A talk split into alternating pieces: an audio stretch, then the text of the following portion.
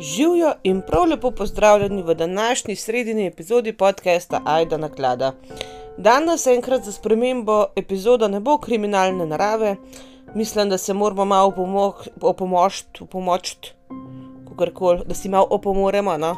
Od uh, prejšnjega tedna, od Alberta Fiša, po mojem, sem dubla največ odzivov, ever, res, taj vas je res presenetil, se mi zdi kar fajn, konc koncev, da vas še kaj lahko šokira. Ampak ja, ta teden se bomo pogovarjali o enem, mogoče malo paranormalnem uh, fenomenu, čeprav ne vem, če ni bolj psihološke narave. Uh, boste sami presodili, ker tudi znanstveniki in raziskovalci pravzaprav ne vejo točno, zakaj se gre. Moram pa povedati, no, da mi je idejo za to epizodo dala Eva, ki jo lepo pozdravljam in uh, ki ima doma. Astrid, staro kot en mesec zdaj, mogoče malo več, in ima še vse en čas, uh, pa voljo take hude teme meni iskati. Tako da hvala, Eva. Evo, zate zdaj le malo preštudiram uh, zadevo, ki se je reče faktor tretjega človeka.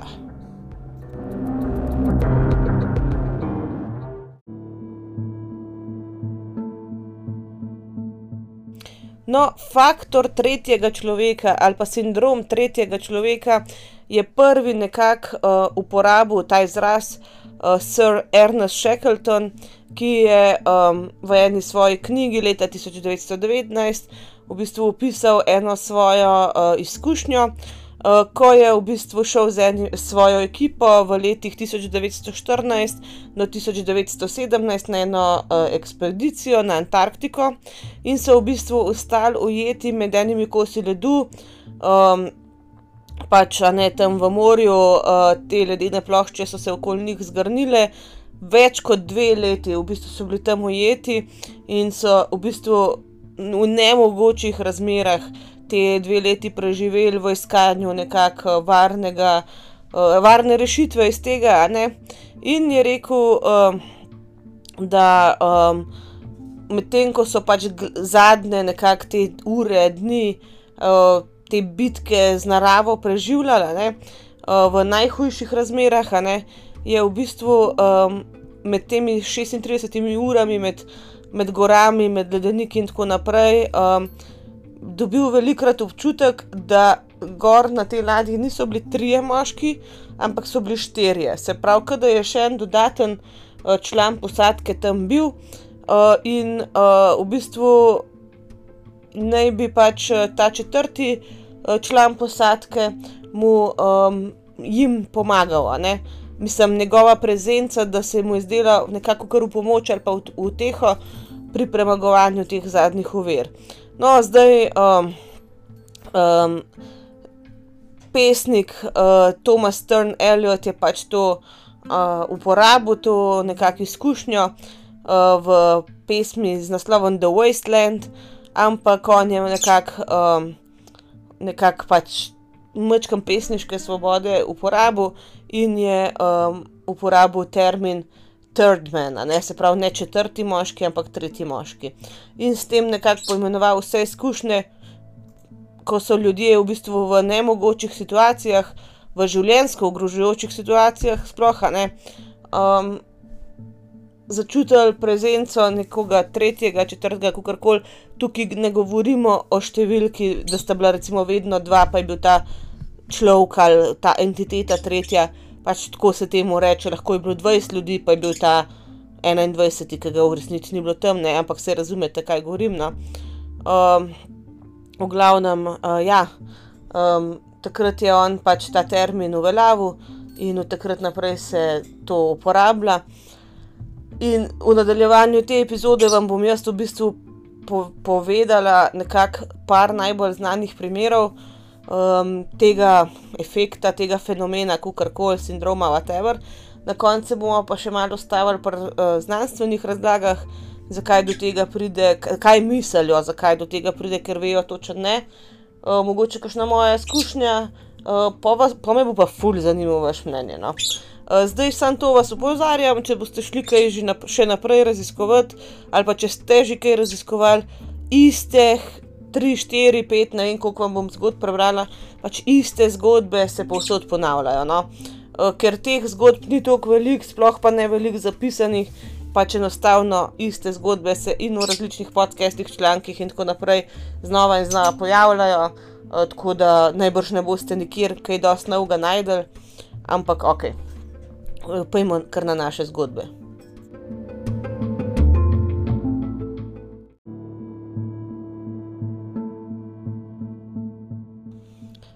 Prva zgodba nas pelje v 11. september leta 2001.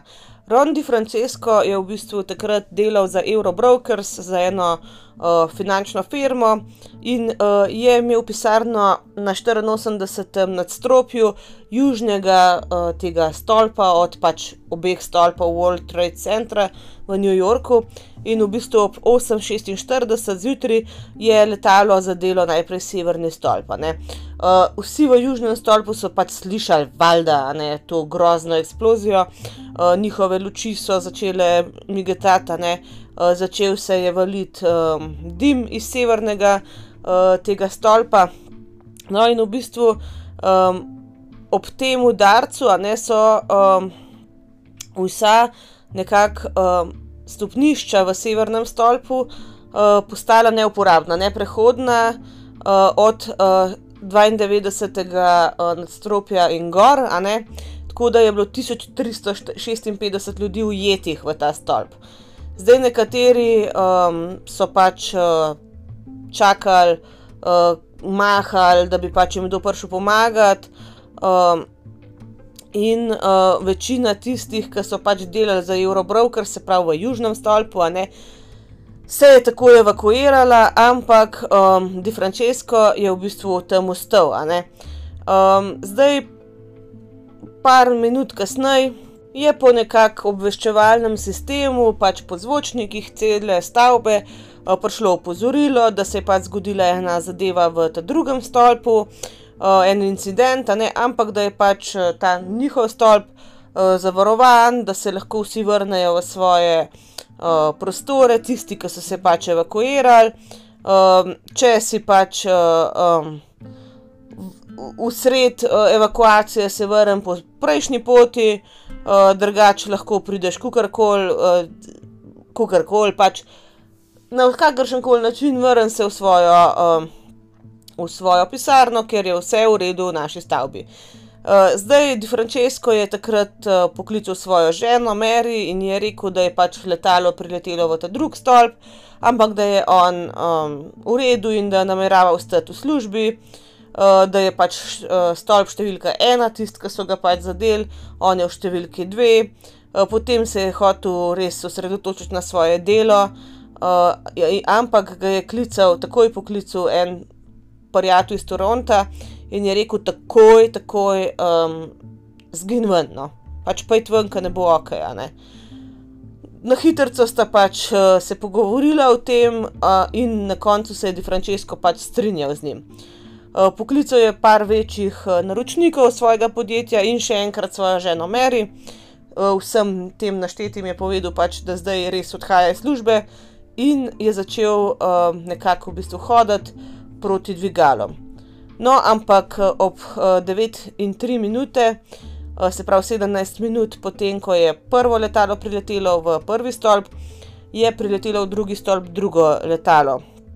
Um, zdaj je tako, ne, um, to letalo, to smo že govorili v, tistem, v tisti epizodi o 11. septembru, nekako ogromenega. Um, Tudi letalskega tega goriva se je razlil po celem stolpu, Eh, ne samo, da je pač preletel ta avion v uh, južni stolp, uh, potem um, na tem letalu je bilo 56 potnikov, dva pilota, sedem stevardov in stevardes in pač uh, nekako Al-Kaida, teroristi Al-Kaide so vodili. To letalo, uh, v glavnem, kako koli, uh, letalo je pač udarilo v stavbo med uh, 77 in 85 nadstropjem, in ja, kakorkoli, ker se je letalo pač eh, nagnilo, preden je zadelo, je še eno, um, pač en ta uh, krilo, a ne, udarilo direkt, uh, mislim, prav zarezalo v, uh, v te pisarne. Uh, pač podjetja Eurobrokers, tam, kjer je pač prej Di Francesco bil. Um, zdaj ta, ta glavni del no, je pa udaril Fuji Bank, um, pač njihove pisarne. Na 79. do 82. nadstropju.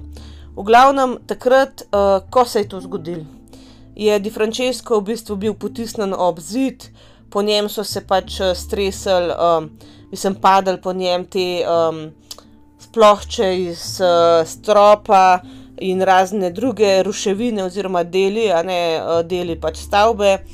Um, pol so se vse razni jaški, zračni kabli, vse se je usul dol iz stropa.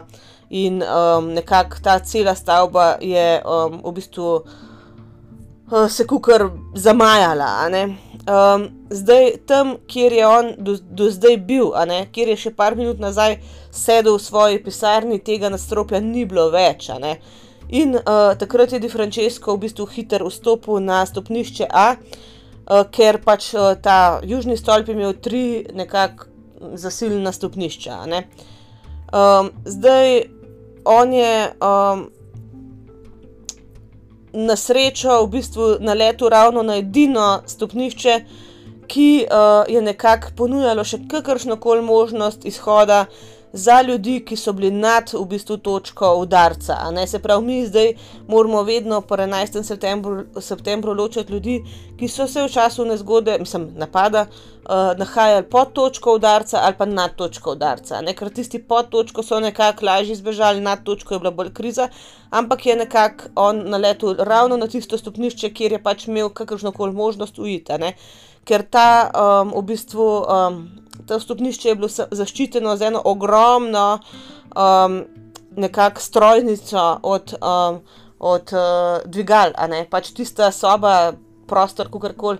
Kjer je vsa mašinerija, ki upravlja dvigala, je pač zaščitila to stopnišče na, na 81. nadstropju, kjer je pač prletu nos, ne klun od, leta, od letala, kako koli pač sprednji del, in je v bistvu zaščitila ta soba stopnišče, da se ni sesulo.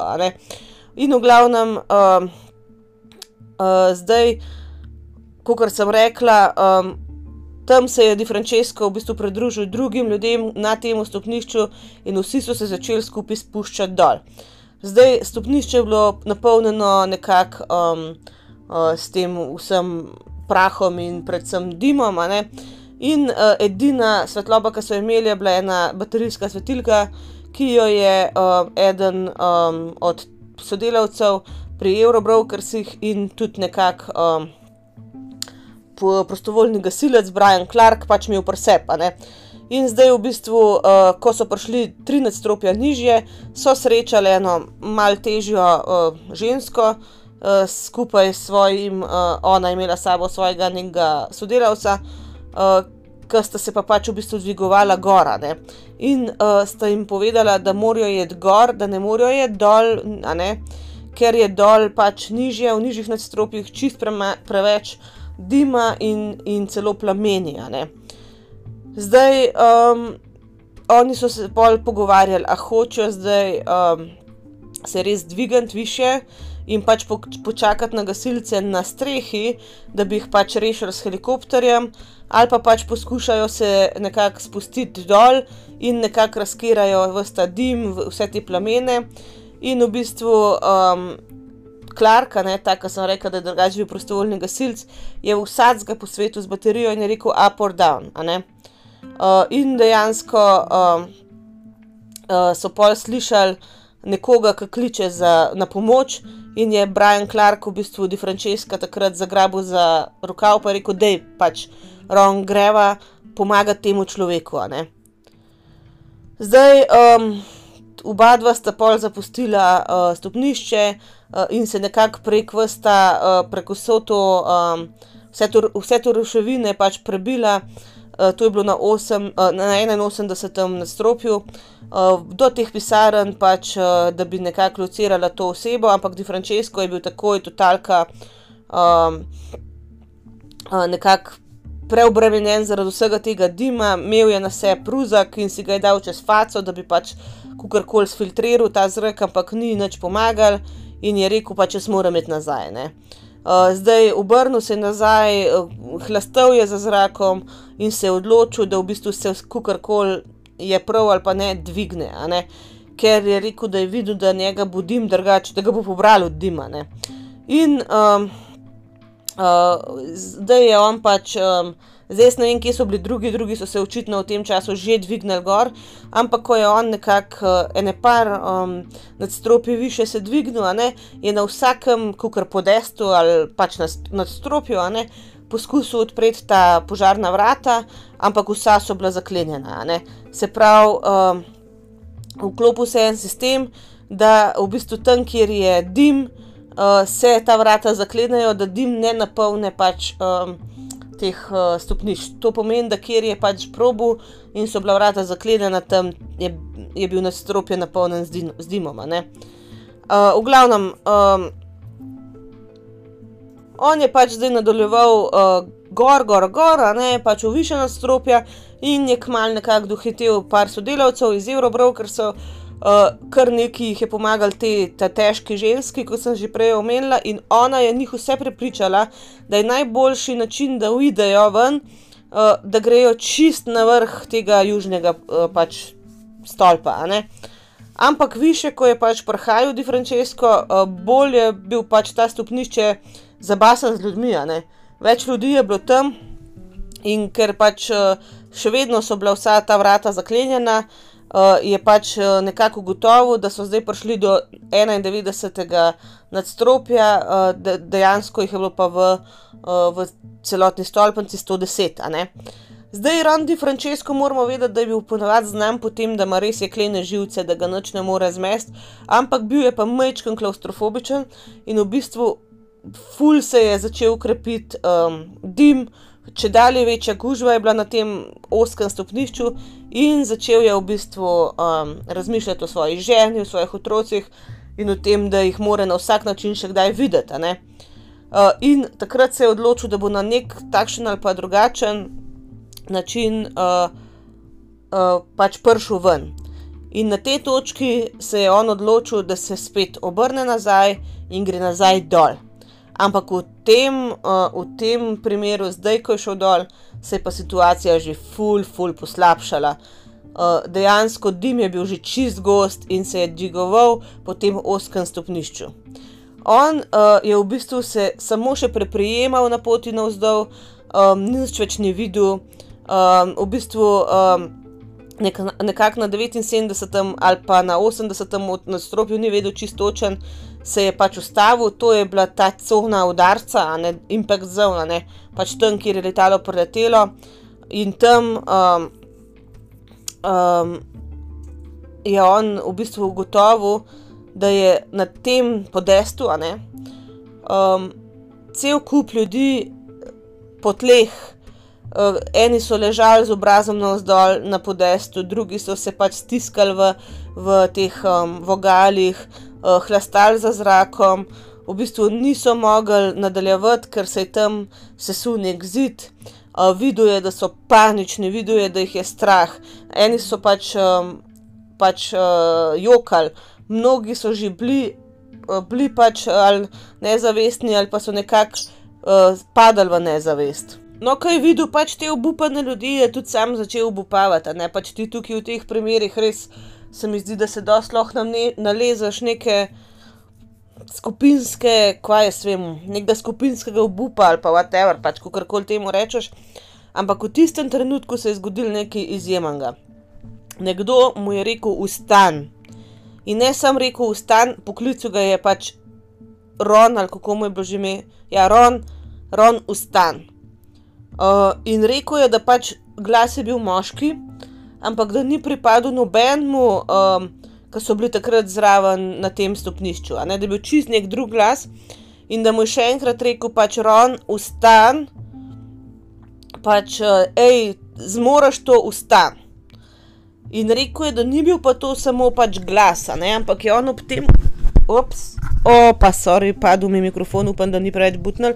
Ja, ok, da je ob tem glasu on začutil tudi eno, pač prezenco, fizično prezenco, da je pač nekdo tam z njim. In uh, v bistvu v tistem dnevu ne, je ogromno ljudi pač naredil, mislim, sprejeli neke odločitve v sekundi, pač, ne, ko so odločali, ali bojo živeli ali umrli. In dejansko, edina razlika, ki je pač med Ronom in drugimi ljudmi, je ta, da v tem kritičnem trenutku je pač on dobil neko pomoč od enega zunanjega vira. Se pravi, ta vir ni, ne, mislim, zdi se tako, da ni prhajal znot, iz notranjosti njegove, pač iz njegove motivacije, iz njegove želje po pač pobegu, po, po, po preživetju. Čeprav jo je imel neizmerno željo, ampak on na tej točki dejansko ni videl več izhoda. Ampak on v tem trenutku je imel pač občutek, da ga je nekdo dvignil, prav dobesedno, kot da ga je kdo paril pod roko in dvignil in ga vodil nekam. In dejansko je ta stvar, whatever to je bilo, a ne pač vodila do stopnic. Uh, Nekaj ga je pač prijel um, za roko, prav držal ga je za roko in ga pelal do stopnic. In on je v bistvu začel nadaljevati, mislim, je nadaljeval s svojim uh, spuščanjem in nekako zelo hitro videl neko svetlobo. Uh, zdaj jaz sam ne vem, kako pač je prišel čez to podrto steno, zakaj drugi niso šli dol, mogoče niso videli, ne? ker dejansko je rekel, videl se ni nič, ampak ta stvar ga je za roko pelala tam, kjer se je prišlo mim. Uh, no, in on je prišel pač do neke točke, kjer je pač videl neko svetlobo, uh, on je te svetlobi pač sledil, uh, skozi se je mogel, v bistvu, skozi se je mogel plezati čez ta um, podrt. Uh, podrte stene, čez uh, pač ruševine, ki so pač na pol zapirale ta stopnišče, um, in na to je prišel do plamenov, um, tam je pač gorel. Ne? Zdaj, um, on se je nekako izognil tem plamenom, ampak še vedno mu je nekdo pomagal. Um, zdaj, on je rekel, da se je počutil, da je pač to en angel, uh, ki ga je skozi spodbujal in da on je vedel, da je pač še vedno nevarnost, uh, ampak ga je nekako ta zadeva tako pelala, um, kao, ne vem, steč skozi ogen, uh, splezi klečes, a veš, točne, točne navodila mu je dajala pač ta entiteta. Ne? In da je pač rekel, da je, ne vem, no. Da, da, da ne more drugače razložiti, kot da je neki ali pa nekdo tam bil, ker je rekel ti, kot človek, razumen človek, ne bi nikoli pomislil, da je v plamene. Ampak ta reč mu je rekla, da je v plamene, da je skozi plamene in on je zaupal, on je tem, te zadevi zaupal, pelala ga je za roko čez to in vse je bilo v redu. No, in je rekel, no, da se mu zdi, da so bili te plameni, zato niso ni skozi posod goreli, ampak goreli nekako na nekak treh nadstropjih, ampak končno je nekako dosegel eno čisto pra, pač prazno, brez plamenov uh, in osvetljeno stopnišče pod, um, pod uh, plameni, ne pod ognjem, in to je bilo recimo na 76. nadstropju. In zdaj, um, um, takrat, no, je pa začutil, da je v bistvu ta pomočnik, ki ga je imel zadnjih, ne vem, pet minut sabo, da je izginil, kukar da ga je zapustil. In on je imel občutek, da na, tem, na tej točki ga je ta zadev, zadeva spustila. Pač zdaj pa pojdi, zdaj si na varnem. No, pač ko se je Ron spuščal naprej po stopnišču, je srečal tri gasilce, ki so hodili gor po stopnišču na vzgor, in jim je povedal, da ima ful težave z dihanjem zaradi vsega tega dima. In oni so mu rekli: pejdi, pejdi, eh, kar dol, eh, čist do podna, do pritličja, tam boš dobil pomoč. On je uh, nadaljeval do pritličja in ko je prišel tja, je šel proti izhodu, ampak ga je tam ustavil en varnostnik, ki jim je rekel, da tukaj ven pač ne je, ker je totalno nevaren. In on je pogledal ven, in tam je bilo en kup, ne vem, ruševin, ki so dol padale, ljudi, ki so skakali ali pa padali dol. Uh, pač dejansko, če bi tam dol šel, je bilo tako, pač, da se nastavljaš, da te nekaj spešta. Ne? In on je šel dejansko nazaj v uh, stavbo in uh, je šel skozi en drug izhod, v bistvu najbolj severni izhod možen, v bližini Church Streeta. In še vedno je bilo to za njega totalka nevaren, zaradi vsega, kar je dol padal. Uh, in takrat je v bistvu od časa, ko je letalo zadelo uh, južni stolp, ne, preteklo že 56 minut.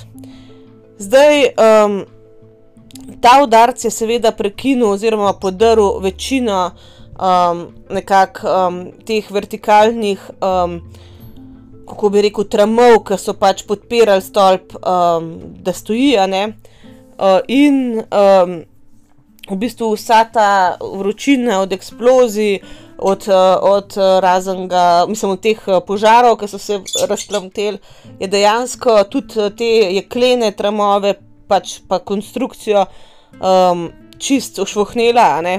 Uh, in v bistvu so se začeli um, nadstropja enega od drugega sesuvati. Um, zdaj, ko je on nekako uh, približeval se te Church Street, ne, mislim, temu uh, izhodu na Church Street, um, je slišal en, v bistvu je rekel, um, da bi izpekla nekaj zarjovela. Ne. In dejansko je videl pač to ognjeno kroglo ali kar koli, ko se je v bistvu uh, začela sesuvati ta sto, uh, stolpnica. In on dejansko ne ve, kaj se je pol zgodil ker je pač bil nezavesten potem nekaj časa in se je zbudil veliko, veliko kasneje v uh, bolnišnici St. Vincent, Vincent na Manhattnu. Mislim, če to ni zgodba, ki se sam tako kva.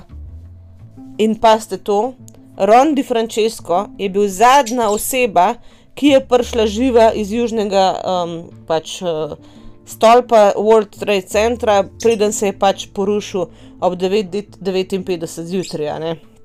V desetih sekundah se je sesul sam vase, v bistvu je takrat povzročil kukar skoraj vihar s tem, ki se je podaril, uh, pol en ogromen um, oblak ruševin in uh, nekako pepela, pa, pa prahu.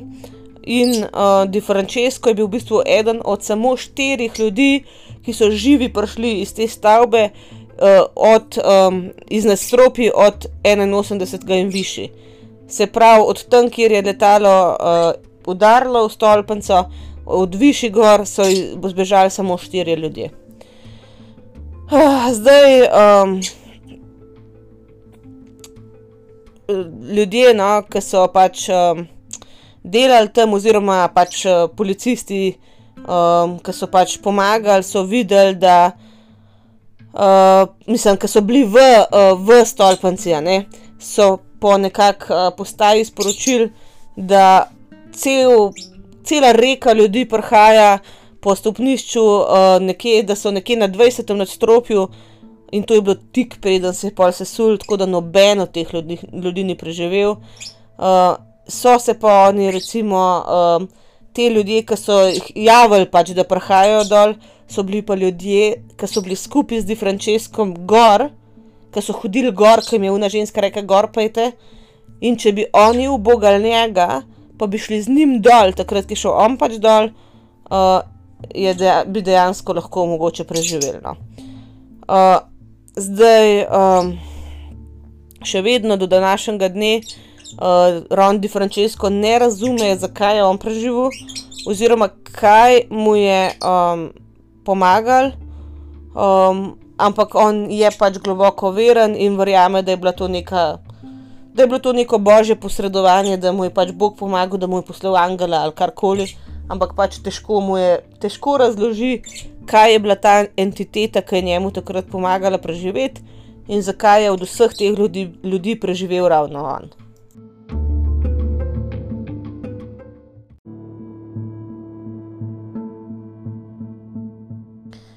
1. aprila 1983 je 28-letni študent James Sevigny uh, skupaj s svojim prijateljem Richardom Whitmerom uh, šel v bistvu plezati uh, na goro Delta Form, ki je bila pač del kanadskih Rocky Mountains v bližini Lake Louisa v Alberti. Uh, zdaj, ona dva sta takrat plezala po enem ledenem žlebu. To je bila zdaj, zdaj zelo pozna zima, že ne, se pravi, 1. april je že proti koncu zime. Uh, Prvezana sta bila ena druga in sta v bistvu uporabljala kar neke um, take um, um, šraufe za vletno. uh, da sta lahko po tistem plezala, pač da bi rekel klini ali nekaj, kar se pač v led zabije, zašraufa, whatever, da lahko pač po tistem plezaš. Zdaj, um, vodu je pač plezanje, mislim, naprej šel um, Whitmer, a ne se pravi Richard, ki je bil star 33 let uh, in uh, na, enem, na eni točki no, se je pač um, neki ledu odkrušala. Ne? In on je zaupil pač um, Jamesu, led pada, ne?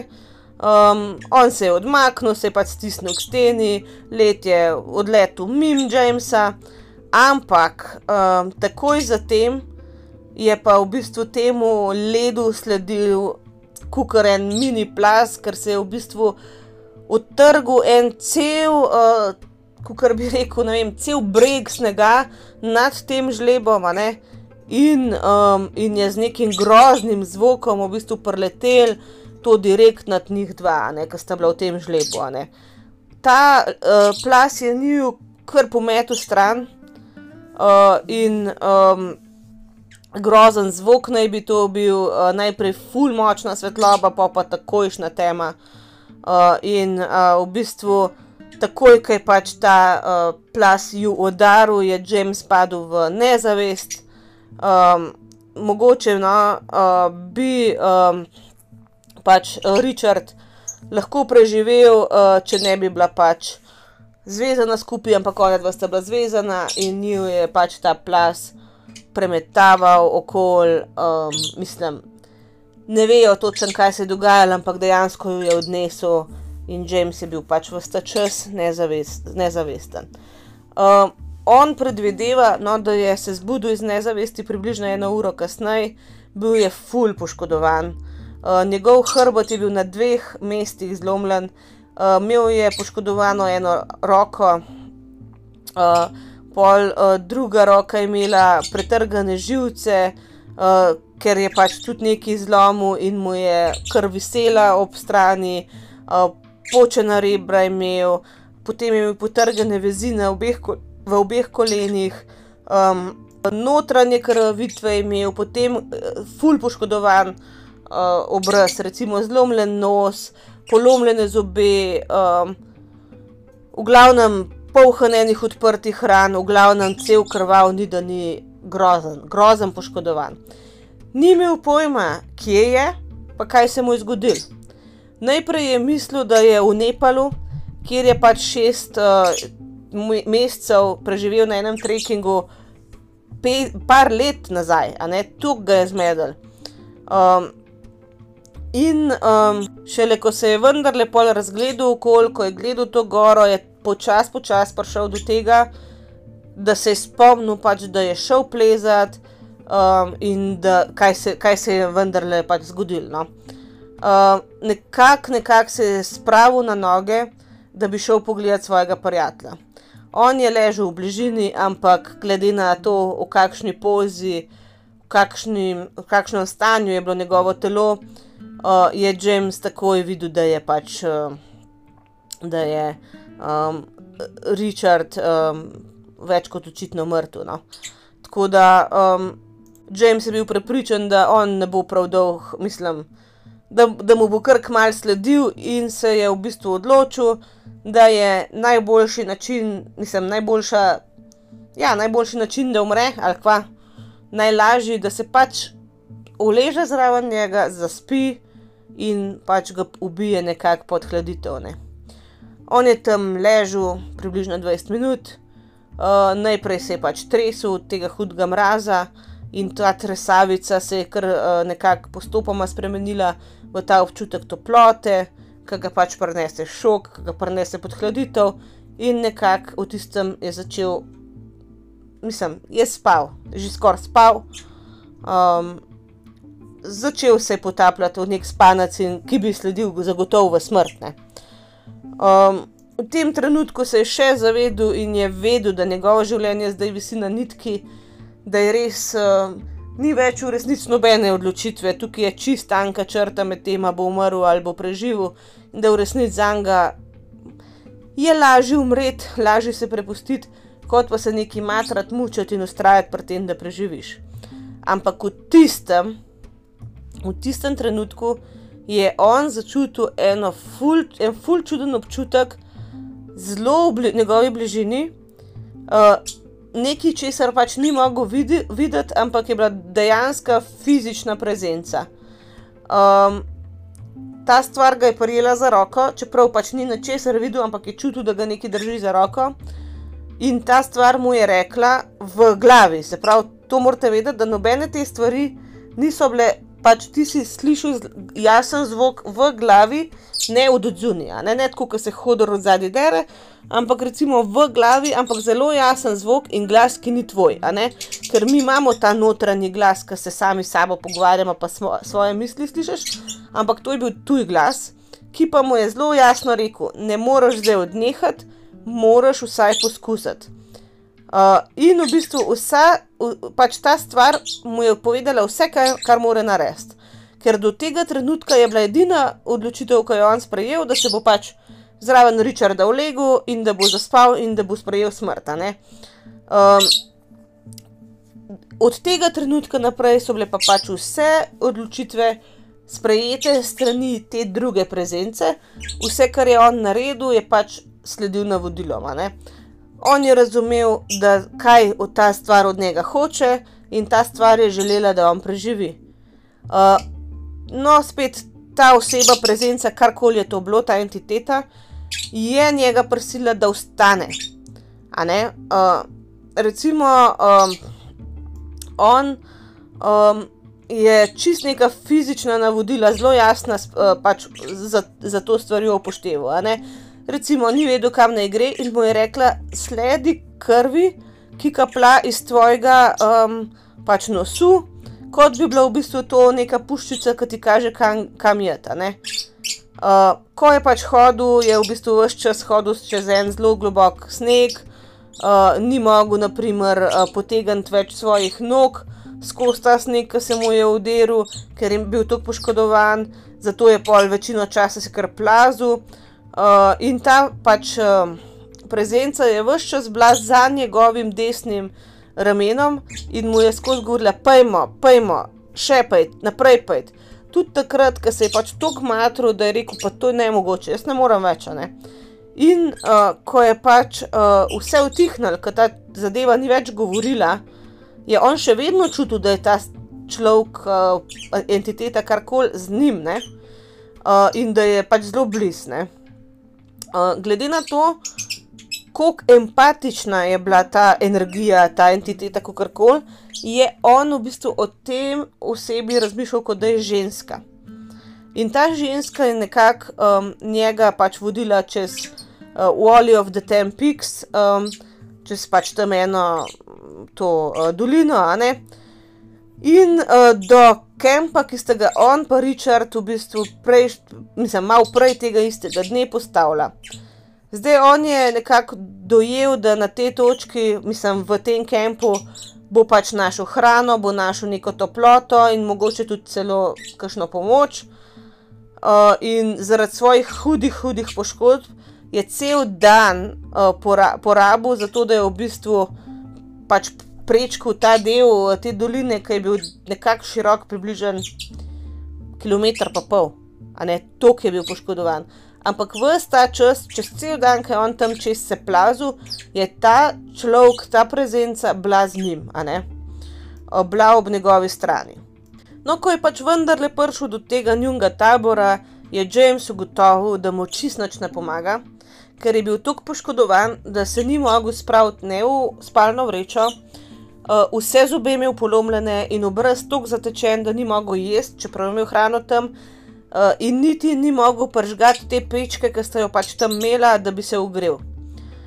Usedel se je pač tam pred šotor, ko kar koli, pogledal sonce, videl, kje je in je rekel: Ok, pozen večer je že in v par urah bom jaz smrtu.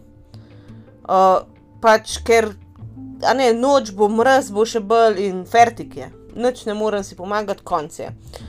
Um, nekako v položaju fetusa se je ulegel v sneg, uh, vedno je rekel, da je imel občutek, da bi lahko on umrl med plezanjem, ne? ampak um, pač njemu ni bilo nič čudnega, da bo on umrl v gorah. Da on je to vedno pričakoval, ker pač je tukaj bil v gorah v enih nemogočih razmerah, da, da je nekako pričakoval, da bi to lahko bil njegov, njegov konc. Um, ampak uh, se je pomislil na svojo mamo um, in kako bo ona žalostna, ker on ne bo prišel domov. Ampak v tistem je on pač spet slišal ene druge glasove in poklical na pomoč. Nobenega, um, nobenega odgovora ni bilo, in v tem trenutku je on pa začutil to njegovo prezenco, to osebo, ki je bila z njim, da je odšla. Rekl je, pač šla je, zapustila ga je, ničesar več ni bilo, uh, nobenega ni bilo, ki bi mi povedal, kva naj naredim. Uh, in ja, rekel je, da prvič od tega plazu naprej se je počutil res, res osamljenega. Uh, pomislil je pač, da on halucinira, da pač ta prezenca, ki je bila z njim, um, ve, da je mrtev, da bo umrl in da je pač obupala nad njim. Ampak um, on je v bistvu takrat ugotovil, da tisti glasovi, ki jih je pač slišal, ki je mislil, da halucinira, so dejansko bili ljudje in so prišli do njega. Eden od njih je v bistvu na smočah pač šel do nekje, poklical pomoč in prišel je helikopter po njega um, in ga odpeljal na varno. In v bistvu zakaj ga je ta prezenca zapustila? Zaradi tega, ker je vedela, pač, da je na varnem. Zdaj je eden od teh smočarjev, Alan Derbyshire, uh, je bil v bistvu še z dvema smočarjema tam od zunaj, oni trije so ga najdel, je povedal, ne, da on je slišal en zelo švohcen glasek, ki je rekel na pomoč, bil sem v plazu, a ne pač plasma je dubo. In če ga on ne bi slišal, njega pač oni ne bi najdel, tam bi ga pustili čez noč in sigurno bi umrl ker pač ni bilo nobenih drugih, ne pohodnikov, ne alpinistov, ne smočarjev v tistem območju. Uh, povedal je pač Ellen, da ga je najdel medtem, ko je kar ne hodil okoli, ampak tako malo je vstal, pa spet padel, pa spet v Drencu je okoli tistega šotora ne? in da je bil v groznem stanju, uh, da je bil v kritičnem stanju, pač po tistem, kar je on videl. Čeprav je bil pa v bistvu čist bister, ne čist presep. In takoj, ko so ga pač vprašali, kaj se je zgodilo, on je bil švoh, on je bil vse prekrit s krvjo, v šoku, ampak je povedal točno, kaj se je zgodilo, kje se je zgodilo in vse. Edino, česar pa ni nikoli omenil, je pač ta uh, njegov spremljevalec, nevidni, ne, ki ga je pač vodil do tukaj, da je sploh najdel pot ne, do, do njihovega taborja, tabora. In v bistvu tudi v enem um, lokalnem časopisu je en specialist za pač uh, reševanje iz teh nacionalnih parkov, kot bi rekel za gorsko reševanje, Tim Auger, povedal, ne, da je bil on nesrečen že prvič to, da je pač preživel ta padec, pol pa da so ga pač našli in da je prišel do tabora. Ne. Ampak v bistvu uh, James je rekel, da mu je bilo od začetka jasno, da tukaj ni bil samo vprašanje sreče ampak je več kot očitno imel še neko res dobro pomoč od zunaj.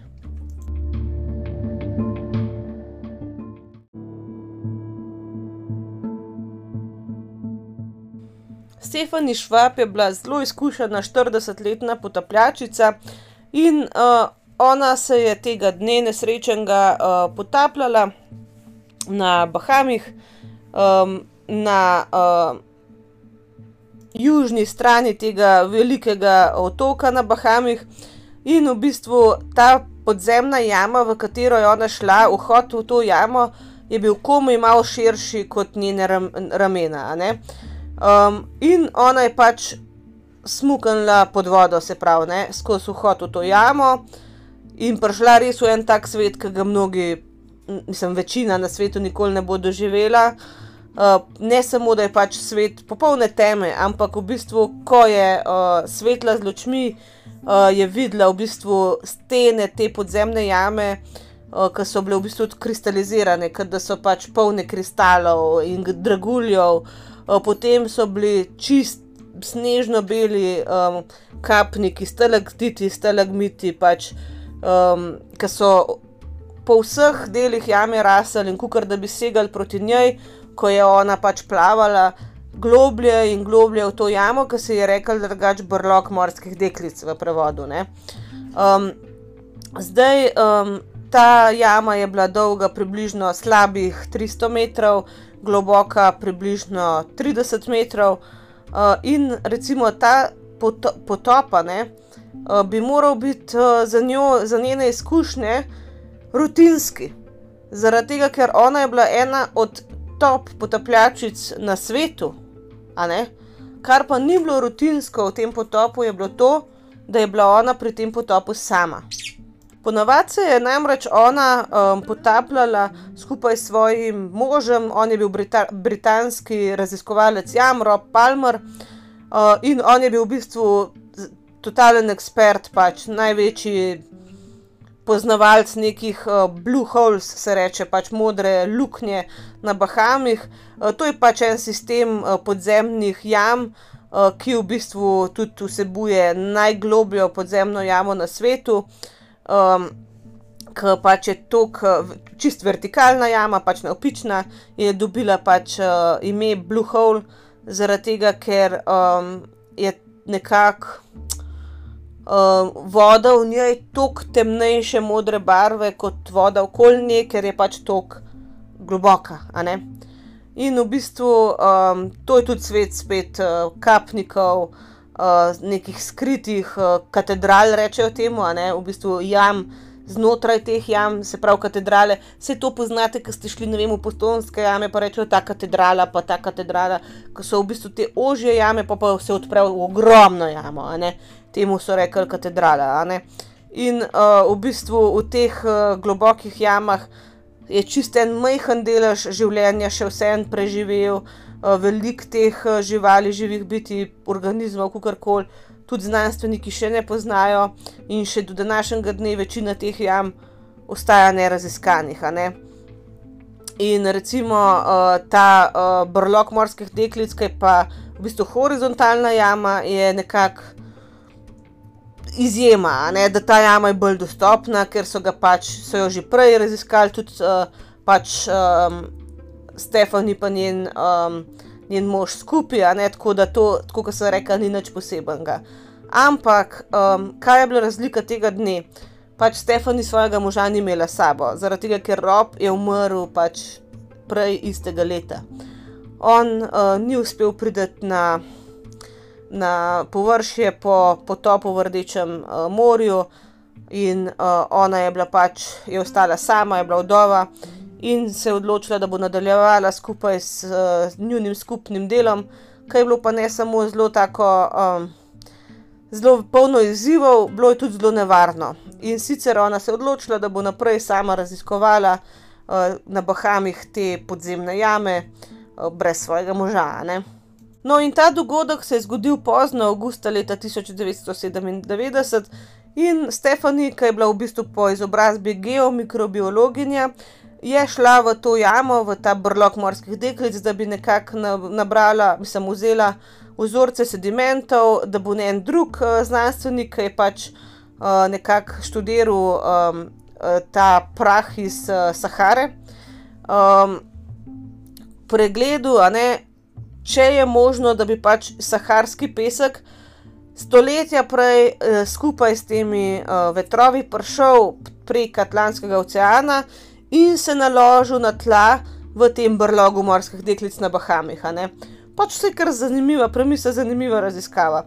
No, in um, v bistvu že ta cel dan je bil nepričakovano poln enih izzivov. Ko se je pač vozila do mesta potopa, uh, jo, um, jo je najprej ustavil nek drevo, ki je pač padel uh, čez cesto v tem uh, nekem orkanu en dan prej. Um, no, zdaj ona je uporabljala vso svojo moč, da je porinila to drevo z ceste. Uh, Medtem um, je v bistvu, ker to drevo je bilo neko strupeno drevo, no, neka sorta, ki pač mislim, vrsta, ki je strupena. Uh, Medtem je pač ona si udrgnila kožo in je dubla res močen izpuščaj s tem strupom iz drevesa. Um, in uh, ker pač se je udrgnila in je prišla v stik s kožo, um, ampak kakorkoli, ne glede na to, da jo je pač kar dosti bolelo, se je odločila, da bo nadaljevala in je prišla pač do svoje destinacije. se hitro oblekla v svojo potapljaško opremo in začela pač s potopom. nekako osredotočena čisto na to, da hitro nabere te, sedimente, pač vzorec in čim hitreje pride ven. No, in ko je pač prišla na dno te jame, je približno pol ure nabirala vzorce, jih spravljala, in ko je končala, je nekako pospravila svojo opremo in, vendarle prvič, odkar je prišla na dno jame, dvignila svoje oči. Ampak takoj, ko je to naredila, se je, se je zavedela, da ne vidi svoje, zdaj ne vem, kako mi to prevedemo, ampak tega kablja, te vrvi, ki, ke, na katero so ponavadi potapljači pripeti, zato da najdejo pot ven, a ne. Potapljanje v podzemnih jamah je tehnično zelo, zelo zahtevno. In, recimo v primeru nezgode, v primeru neke nujne situacije, ne, ne more pač potapljač kar iti gor, ne, pač greš gor in prideš na površje, ampak moraš velikokrat v bistvu plavati horizontalno, tako kot če bi rekel en, čez en labirint enih, zelo ozkih prehodov. In v bistvu je, ta vrv ali pa kabel, kakorkoli, ne, ključnega pomena, da ti prideš varno ven. Ker pač drugače ne vidiš, iz kje si prišel, nimaš se na kaj orientirati. In, v bistvu je to stik z življenjem, a ne, ta vrv. Brez tega pač potapljač rata dezorientiran, in v bistvu, ko išče pot ven, mu ponavadi zmanjka zraka in umre zaradi zadušitve. In v tistem trenutku je Stephanie v bistvu mislim, doživela res panični napad. Mislim, skoraj. Takoj je ugotovila, da je naredila pač napako. Zdaj, ko se je ona takrat še potapljala prej s svojim možem, se je zanašala nanj, da bo on njej služil kot njen vodič, kot, da bo on njo vodil.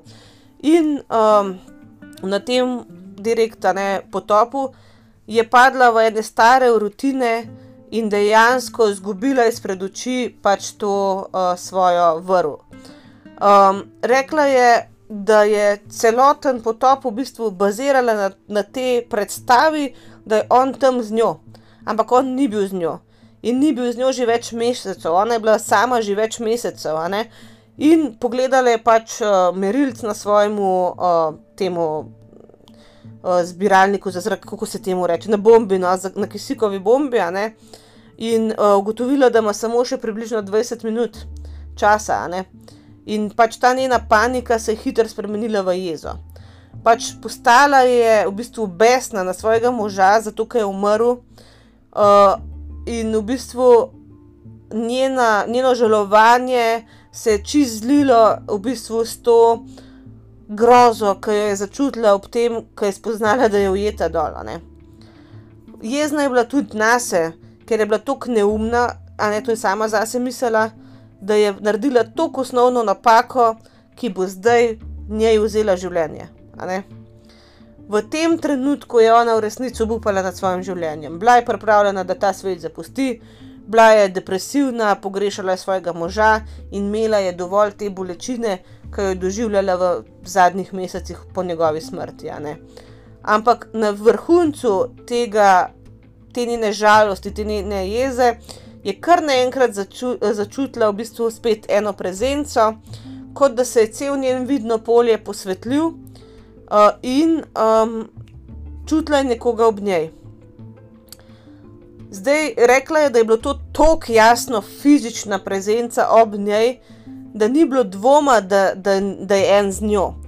In ona je pa zelo močno verjela, da je z njo njen mrtev mož, ne, njen pokojni mož. In takrat je slišala njegov glas, ki se je spet mentalno, a ne, v njeni glavi z njo pogovarjal. In on je njej takrat rekel: Zdaj vam bom kar v angleščini prebrala. All right, Steffi, calm down. Remember, believe you can, believe you can't, either way you are right, remember? In zakaj sem vam to direkt v angleščini prebrala? Onadva sta to imela pač kukaren eno mantro med sabo.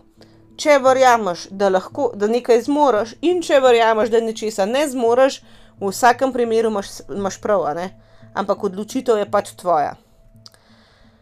V glavnem, Stefani je bila takrat tako šokirana zaradi te neke intervencije, ki jo je pač dobila strani svojega moža, da je dejansko njo to pomirilo. In nekaj časa je sedela pač na tleh, na dnu te jame, razmišljala, zakaj pač, zakaj pač, jo je, so jo njeni možgani pripeljali do te napake, ke jo je naredila, ne. Pač razmišljala je, kaj naj zdaj naredi, zakaj je dobila tudi to pomoč, in na koncu je ugotovila, da sedi tam že petnajst pardon, spet me je kašelj. Ja, da sedi tam že petnajst minut od dvajsetih, ke jih ima časa, a ne. In ko je pač, po tistih petnajstih minutah spet pogledala gor, je bila totalno mirna, totalno nacentrirana in je čisto metodično pač pregledala to, pač jamo.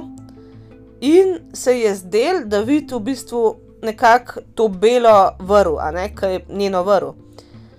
In v tistem trenutku, ko je ona zagledala vrv, je začutila, da je ta prezenca odšla. Spet je bila sama v tej jami in še enkrat je pogledala gor, še enkrat je opazila pač del te njene vrvi in je takoj zaplavala gor do vrvi, ji sledila ven, prišla ven, in dejansko prišla zadnji moment še do zraka na površje. in to je bilo to. Rekla je, da si je mislila, da pač ta dan ni bil njen dan za smrt in da, je bila dejansko odrešena strani neke prezence, za katero je pa ona, ne, v tem v tem primeru bila prepričana, da je bil pač njen pokojni mož.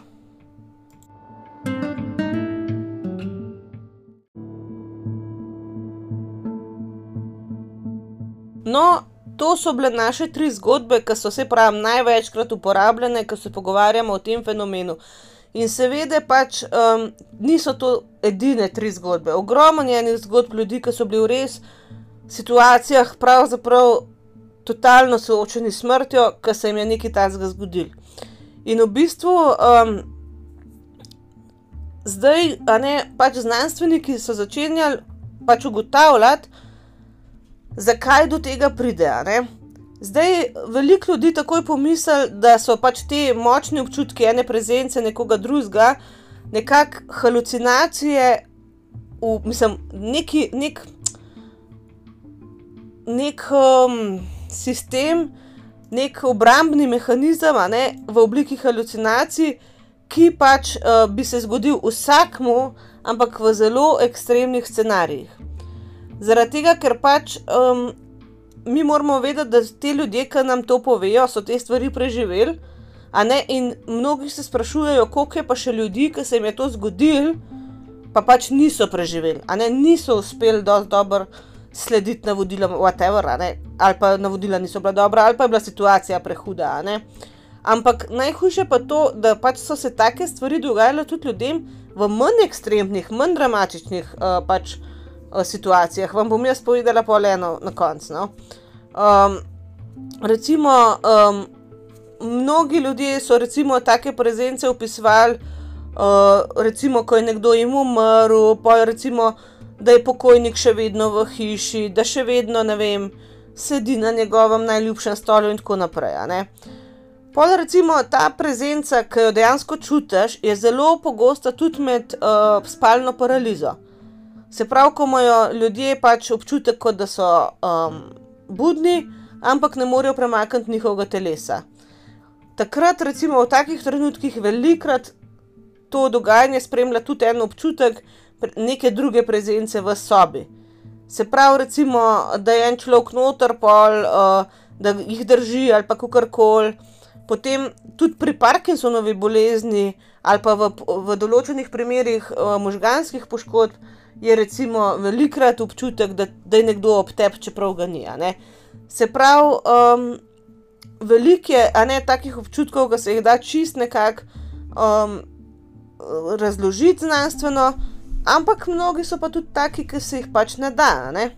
Znanstveniki so pol valjda šli v smer halucinacij, vizualnih, audio halucinacij, ampak dobesedno noben ne zna dosti dobro razložiti, kaj se je v teh konkretnih primerih zgodilo. Zaradi tega, ker ok, vsi ti primeri mogoče imajo eno skupno točko, mogoče manjšo poškodbo možganov, malo pomankanja kisika, in to oboje lahko vodi v neke pač nevro zadeve, ki lahko vodijo v kakšne halucinacije.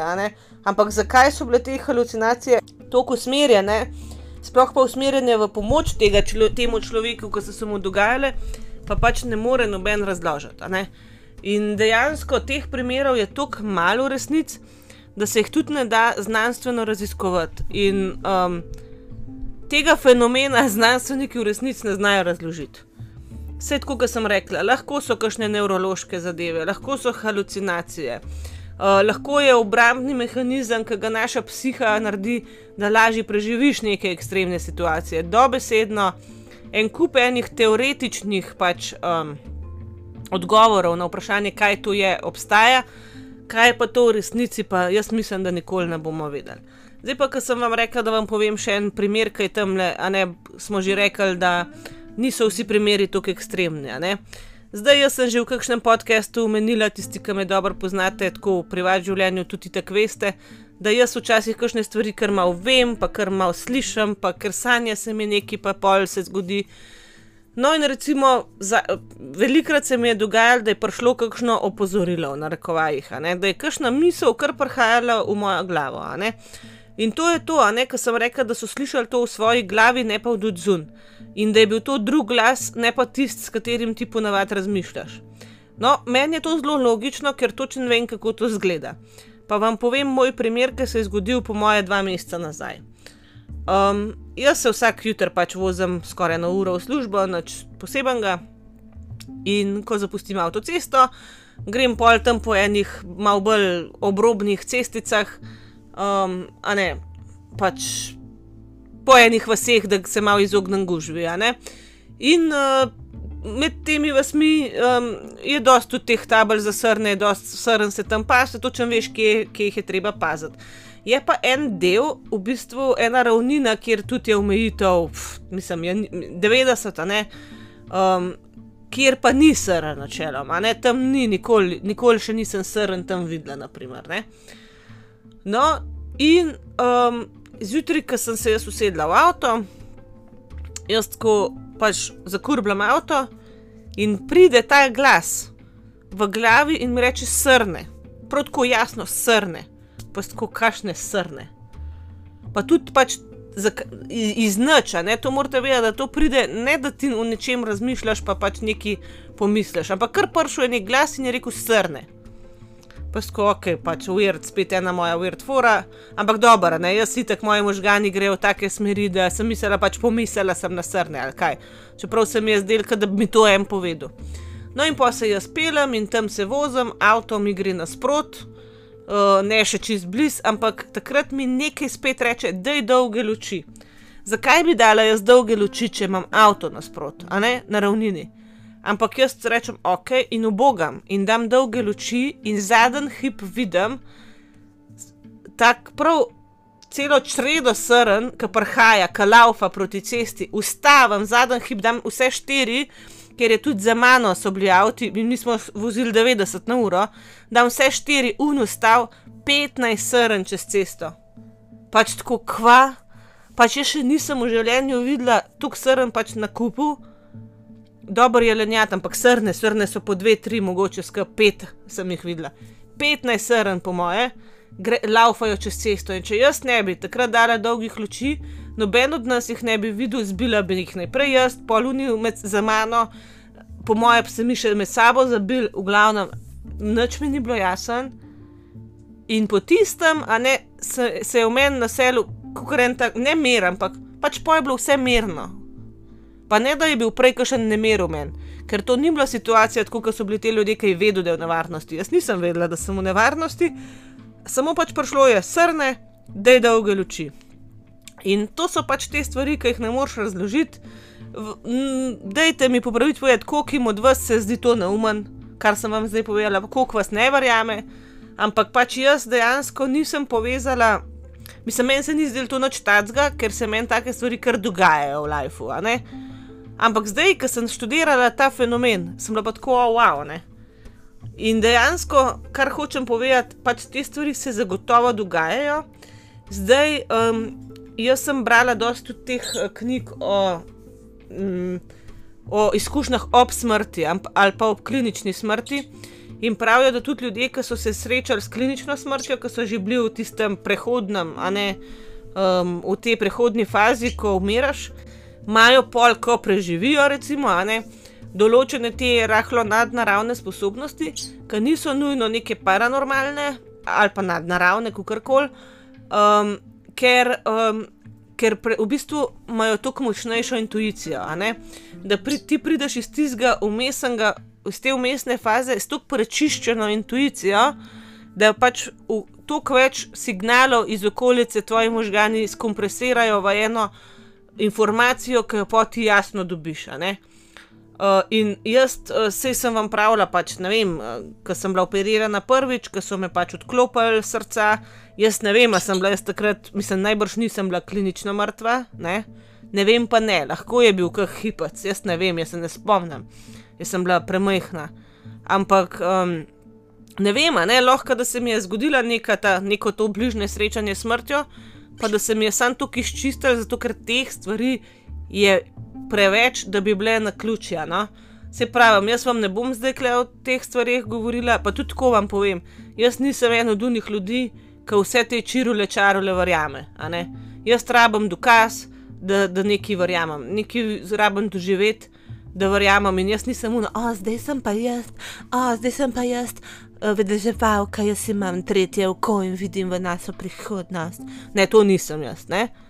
Pač res ne. Tako da, če jaz dojamem, da se mi je nekaj zgodilo ali pa da se mi dogaja, pa nekaj je na tem, ker sem tako, oh, da je nehino, pač umir se Marijana. In tako pač, re, res vam ne prodajam enega bulšita, sam pač. Če bi vprašali, vem, ali moje sodelavke, koliko je bilo stvari, ki sem jaz nekaj blekenla, pa se je pa zgodil, ali pa ki sem kar vedela, pa se je zgodil, ne vem, ali pa ne vem, smo imeli prometno s kolegicami v hipu, ko sem jaz rekla, da nas ljudje tako vozijo, da se bomo še zaleteli in bam, in je počel a ne take fore. No? Pač take stvari se meni že skozi dogajajo in ne vem, kva naj rečem, samo pač to s temi srnami, kar je banalen primer, ki ga zdaj že čist predolgo razlagam. Je bil pa en tak primer, ki jaz verjamem pač v to prezenco od tega tretjega človeka, um, ki je mogoče tam, da te čuva ali kva. Mogoče pa živi znotraj tebe, a ne? Mogoče je to tisto, kar nekatere ljudi reši, a ne pač drugi pa tega nimajo ali pa stika s tem. Nekaj znotraj tebe, ki te opozarja na nevarnosti. A ne se ni mus, da to pride od zun. Lahko da imamo to že vse, vse pa ne. Ampak ne vem, no, pač jaz ful razmišljam zdaj o tem, ker mi je res zanimiv. Pa res so primeri, ne, ki so skoraj isto poročali, ampak ja. Ne vem, ne vem. Me ful zanima, kaj si vi mislite.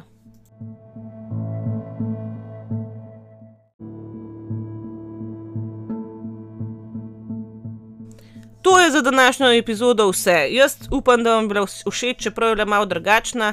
Je tudi edina epizoda tega tedna. Jaz vam moram povedati, da ta cveten prah mene toliko mori. Jaz cele popoldneve včasih spim, ker imam tako občutek, da imam pesek v očeh, pač res noro, noro. Bolijo me oči, pečejo me oči, vsa zaspana sem pol, kašljam se slište, vmes me kar kašelj posil. Ampak to ne uno kašljaš, ki pa si bolan, ampak tisti, ki te kar nekaj žgečka noter, ki se ti vse to nabira, sluz se mi nabira, jemljem tablete, mislim, ne vem, no, pač to. Marc, april, začetek maja, to je za me najhujše obdobje, čeprav je to kvul lepo. To je najhujše, ker v bistvu to ti je lepo, to si vesel, da je pomlad, pa pa tole. Tako da pač res se vam upravičujem, ampak te tedni bojo eno epizodo na, na teden. Uh, zdaj ta vikend bom skušala malo na zalogo posneti, no. ampak ja, pač tako je, kva naj vam rečem. No. Um, pridite, prosim, tole pa res pokomentirati no. uh, na Instagram profilu Aida Naklada podcast, ki me ful, ful, ful zanima, kaj si mislite. Uh, tudi če verjamete, sploh ali pa ne, no. vse me zanima. kakšna je vaša teorija za tem, pač zakaj do tega pride. Ne vem, vse, vse me zanima, vse vam pravim. Tako da uh, pridite, no, pa povejte mi vaše mnenje. Drugače pa poslušamo naslednji teden, ostanite do takrat varni in zdravi in čau, čau.